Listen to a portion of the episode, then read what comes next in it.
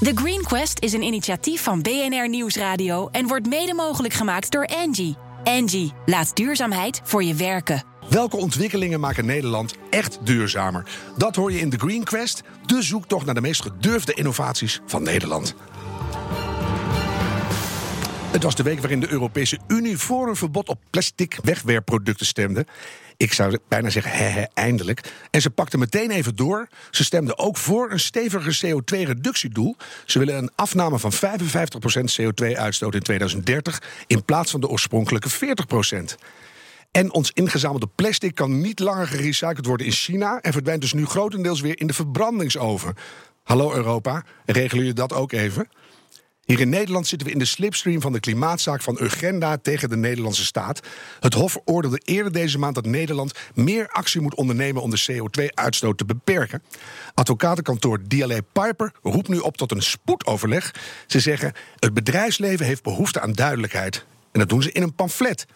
Advocaat Jorian Hamster, waarom doen jullie die oproep als advocatenkantoor? Ja, dat is een terechte vraag. Want je kun je afvragen, wat kun je nou als advocatenkantoor zelf bijdragen? Dat is eigenlijk hooguit wat minder printjes maken misschien. Um, en het antwoord is tweeledig. Uh, aan de ene kant is dit een vraag die wij vanuit cliënten krijgen. Um, cliënten actief uh, in de vastgoedsector, in de energiesector, uh, die graag zelf ook aan de slag willen uh, met duurzaamheidsbeleid, uh, maar eigenlijk wachten op beleid vanuit de overheid. Mm -hmm. uh, want wat daar belangrijk voor is, is dat er een level playing field ontstaat. Daar kunnen we straks nog uitgebreider over hebben. Gaan we zeker doen. En daar, daar wordt dus een beetje afwachtend op gereageerd. Wanneer komt dat beleid nou eigenlijk? En welke klanten zijn dat? Kan je er een paar noemen? nou, dat wil ik niet heel concreet maken, maar dat, we hebben het echt over de grote jongens in de, in de energiesector, grote vastgoedinvesteerders. Dat zijn, ja, dat, zijn, dat zijn cliënten waar wij voor werken en die er heel graag mee aan de slag willen. Mm -hmm. en hier wel tegenaan lopen.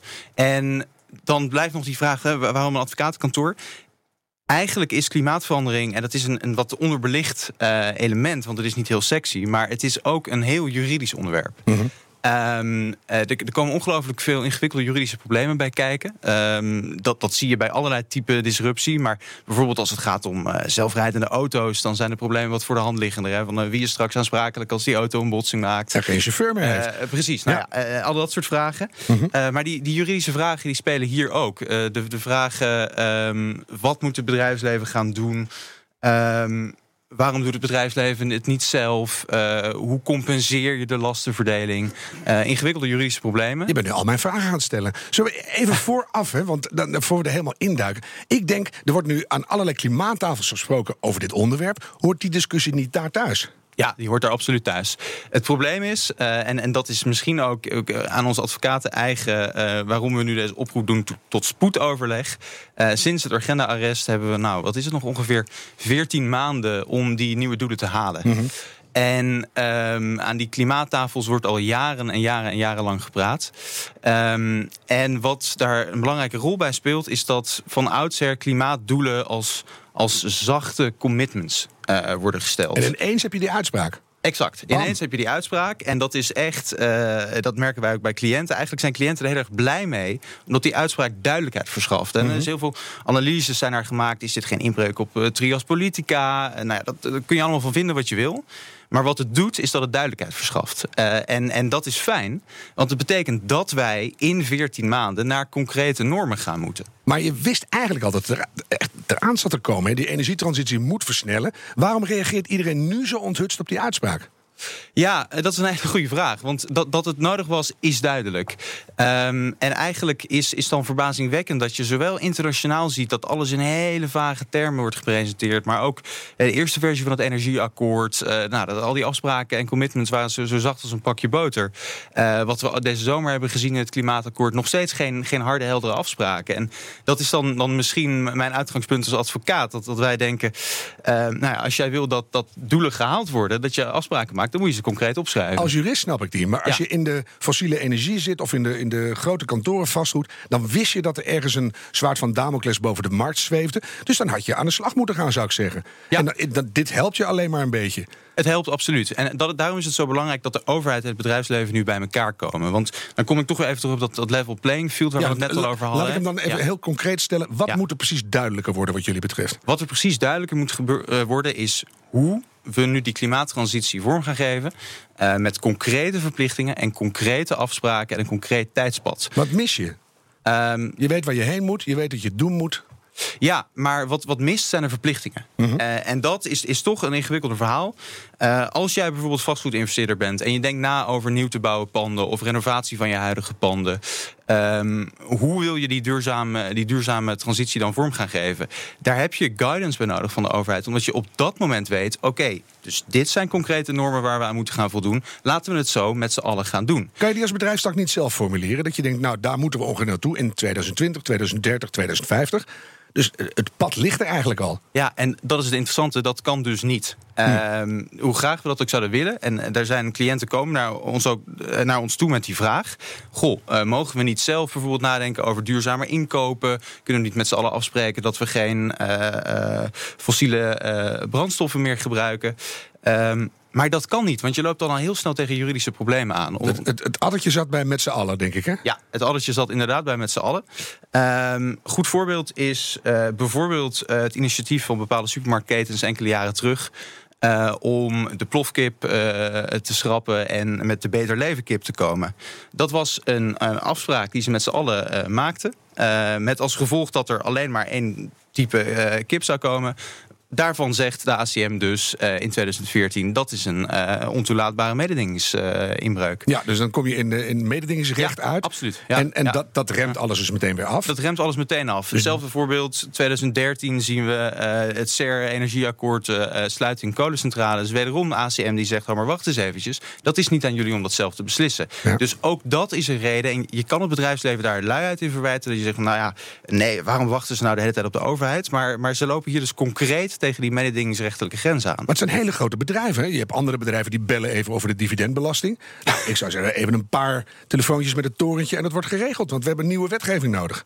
Ja, uh, en dat wetgevingsproces dat gaat helaas niet zo snel als je zou willen. Uh, bijvoorbeeld om dit onderwerp te blijven. Hè, iedereen zag al in 2013, oh maar jongens, dit is echt een probleem. Hier moeten we wat mee. Mm uh, er ligt op dit moment bij de Raad van State een wetsvoorstel waarin wordt uh, voorgesteld om dit soort duurzaamheidsinitiatieven uh, uit te zonderen van de mededingingswetgeving. Dus dat is ongeveer vier jaar na de plofkip-uitspraak. En is dat er bijna? Gaat het er doorkomen?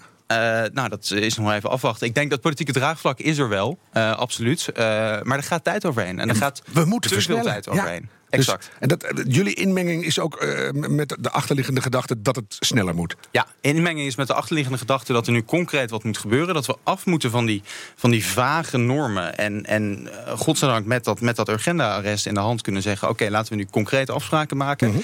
Um, en dat we daar dus alle juridische aspecten goed bij een oogschouw moeten nemen. Dat je advocaten hebt die kunnen zeggen: van, let op het mededingingsrecht, maar let ook op compensatie van investeerders. Die ga ik even bewaren voor zometeen. Ja? Ik wil toch even dat level play playing field er nog even middenin zetten. Want dat is ja, eigenlijk een, een hele grote trap op de rem. Want als niet heel Europa of de hele wereld meedoet, ja, dan kunnen wij niet beginnen hier in Nederland natuurlijk. Ja, maar ik denk dat dat dus niet waar is. Ik denk dat je, dat je binnen eh, een, een economie als Nederland... dat het lastig is om, om uh, als bedrijf te zeggen... weet je wat, ik ga het nu in mijn eentje zelf doen...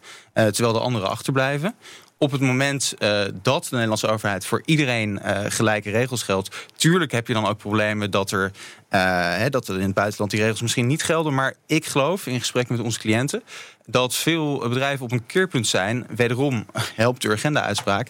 Dat duidelijk is dat er iets moet gebeuren. Mm -hmm. en dat dit ook een enorme kans is. we zitten met z'n allen te wachten op bedrijven die gaan innoveren. We kunnen voorop lopen. we kunnen voorop lopen. Exact. Laten we dat gaan doen. En dat, nou ja, dat, is, dat is wel een behoefte die leeft. Ja. Uh, en dat is, en dat is over, ja, daarvoor is nodig overleg tussen die overheid en die marktpartijen. Maar niet te lang. Niet te lang, nee, 14 maanden. Nou zag ik vorige week een opinieartikel van jou en je collega's in het uh, Financieel Dagblad. En daarin sturen jullie aan op een compensatieregeling, bijvoorbeeld voor de sluiting van kolencentrales. Nou, daar heb je. Hè? Er moet weer geld bij. Het is weer complex. Hoe, hoe groot schat jij de kans ja. dat dat geld er komt? Nou ja, het is een goede vraag. Kijk, ik, ik, ik, sta hier niet als lobbyist voor het bedrijfsleven. Hè. Wat, wat, ik, wat wij doen, en ook in het artikel, is het benoemen van uh, juridische knelpunten. Uh, en dat mededingingsrecht is zo'n knelpunt waar je tegenaan loopt. Mm -hmm. de, de, lange duur van het wetgevingsproces is zo'n knelpunt.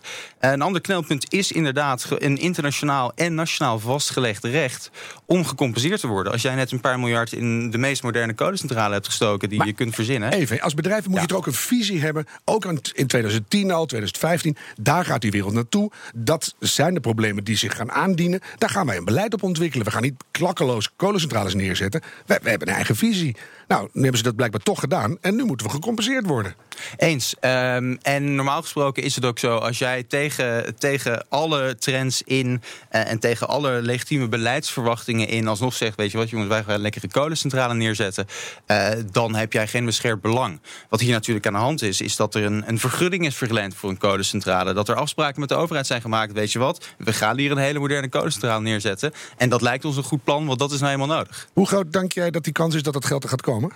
Uh, ik acht de politieke wil uh, niet zo groot. Maar ik, ik ben zelf procesadvocaat. Ik, de, de, kans dat dat vervolgens uh, het eind van het liedje is, dat zie ik niet gebeuren. Nee, je kijkt er ook heel vastberaden bij. Dus hard aan de slag. Dankjewel, Joran Hamster van DLA Piper. Het wordt een enorm gevecht. Welkom bij deel 2 van de Green Quest. Elke week kiest ons Green Team uit alle aanmeldingen een bedrijf dat volgens hen het verschil kan maken. En aan het eind van deze zoektocht kiezen ze in juni de winnaar van de Green Quest Award. Maak kennis met de nieuwste aanwinst in de Green Gallery. Kunstmest komt uit een periode dat er geen kennis over het langetermijneffect was. Voor de boeren was kunstmest een uitkomst. Reeds vroeg in het voorjaar wordt kunstmest gestrooid. Gelderman doet dit met de hand. Maar nu, na het jarenlange gebruik van kunstmest, komt men achter de gevolgen die het heeft op de bodem. Er blijven steeds minder voedzame mineralen achter in de bodem. Hoe we de bodem kunnen verbeteren?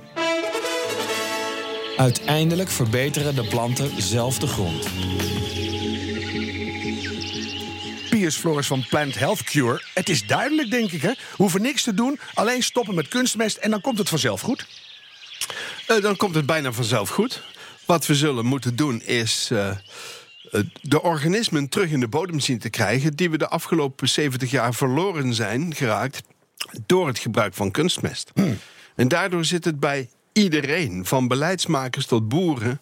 zo tussen de oren dat planten alleen kunnen groeien van kunstmest dat ze de alternatieven eigenlijk nooit gezien hebben. Nee. Jij bent ook de persoon achter de Piers Floris boomverzorging. Klopt dat? Is het daar ooit mee begonnen? Er is het ooit mee begonnen, ruim 40 jaar geleden. Dan reizen die busjes door de straat en denk je... hé, hey, Piers Floris. Ja, dat bedrijf heb ik meer dan 10 jaar geleden verkocht... om mij vervolgens helemaal en 100% op de bodem in de wereld te focussen. Ja.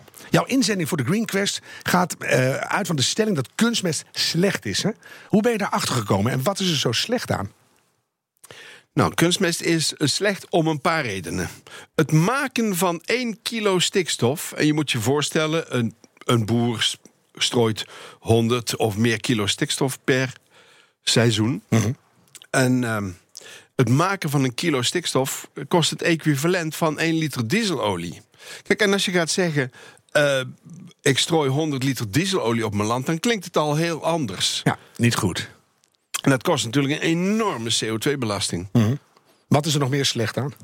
Dat het uh, zout is, vooral erg zout. En dat zouten is totaal slecht voor het bodemleven. Mm Waardoor je de bacteriën en de schimmels uitmoordt die van nature ziekten tegengaan, uh, zorgen voor plantengezondheid. En als je die weer terugbrengt en je stopt met het gebruik van kunstmest, heb je ook de meeste bestrijdingsmiddelen niet meer nodig. Dus de planten worden automatisch sterker, de bodem wordt gezonder en je hebt eigenlijk niet of nauwelijks bestrijdingsmiddelen nodig. Correct. Waarom zijn we dan eigenlijk ooit met kunstmest begonnen?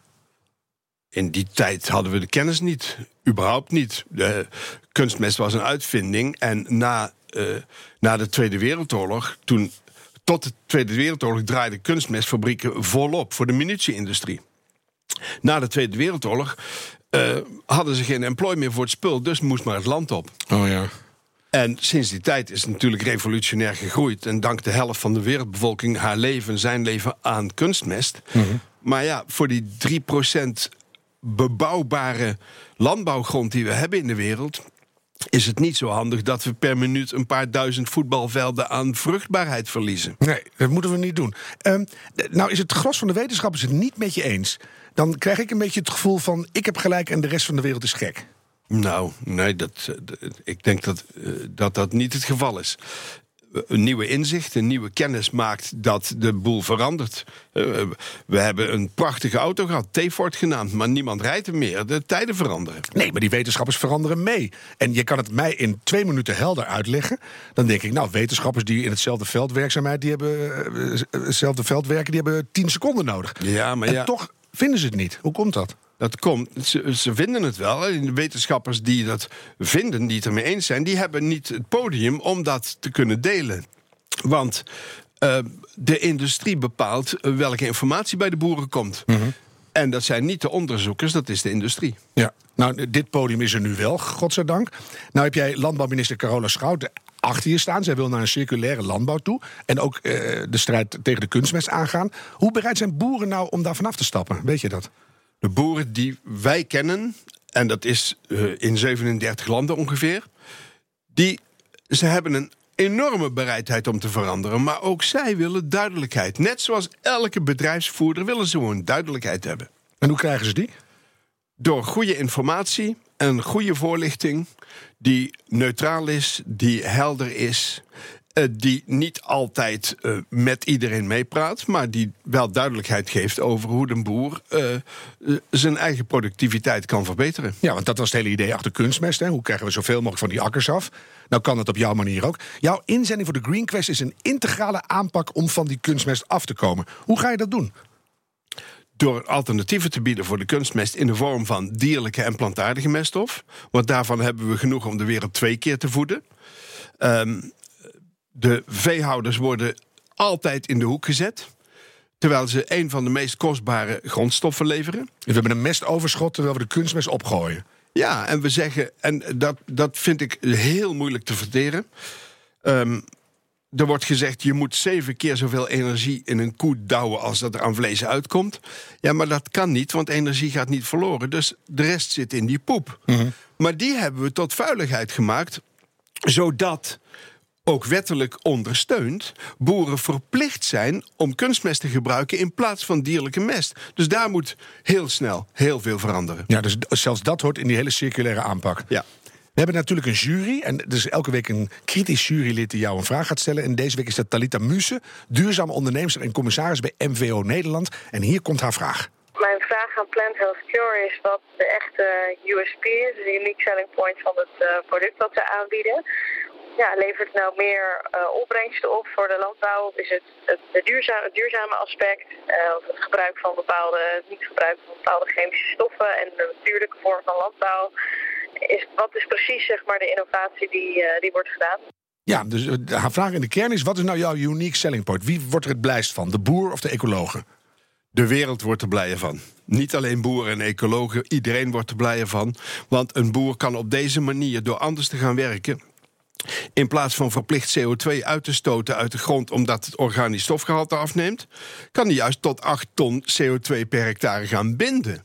En in Oosterwijk worden er al, Oostenrijk, sorry, eh, daar wonen al boeren die per jaar duizenden euro's geld ontvangen als eh, CO2-inkomsten. Ja, nou, nou klinkt het nog steeds tamelijk simpel. Hè? Van terug naar de landbouw van vroeger. Beetje ploegen, poep erin, klaar.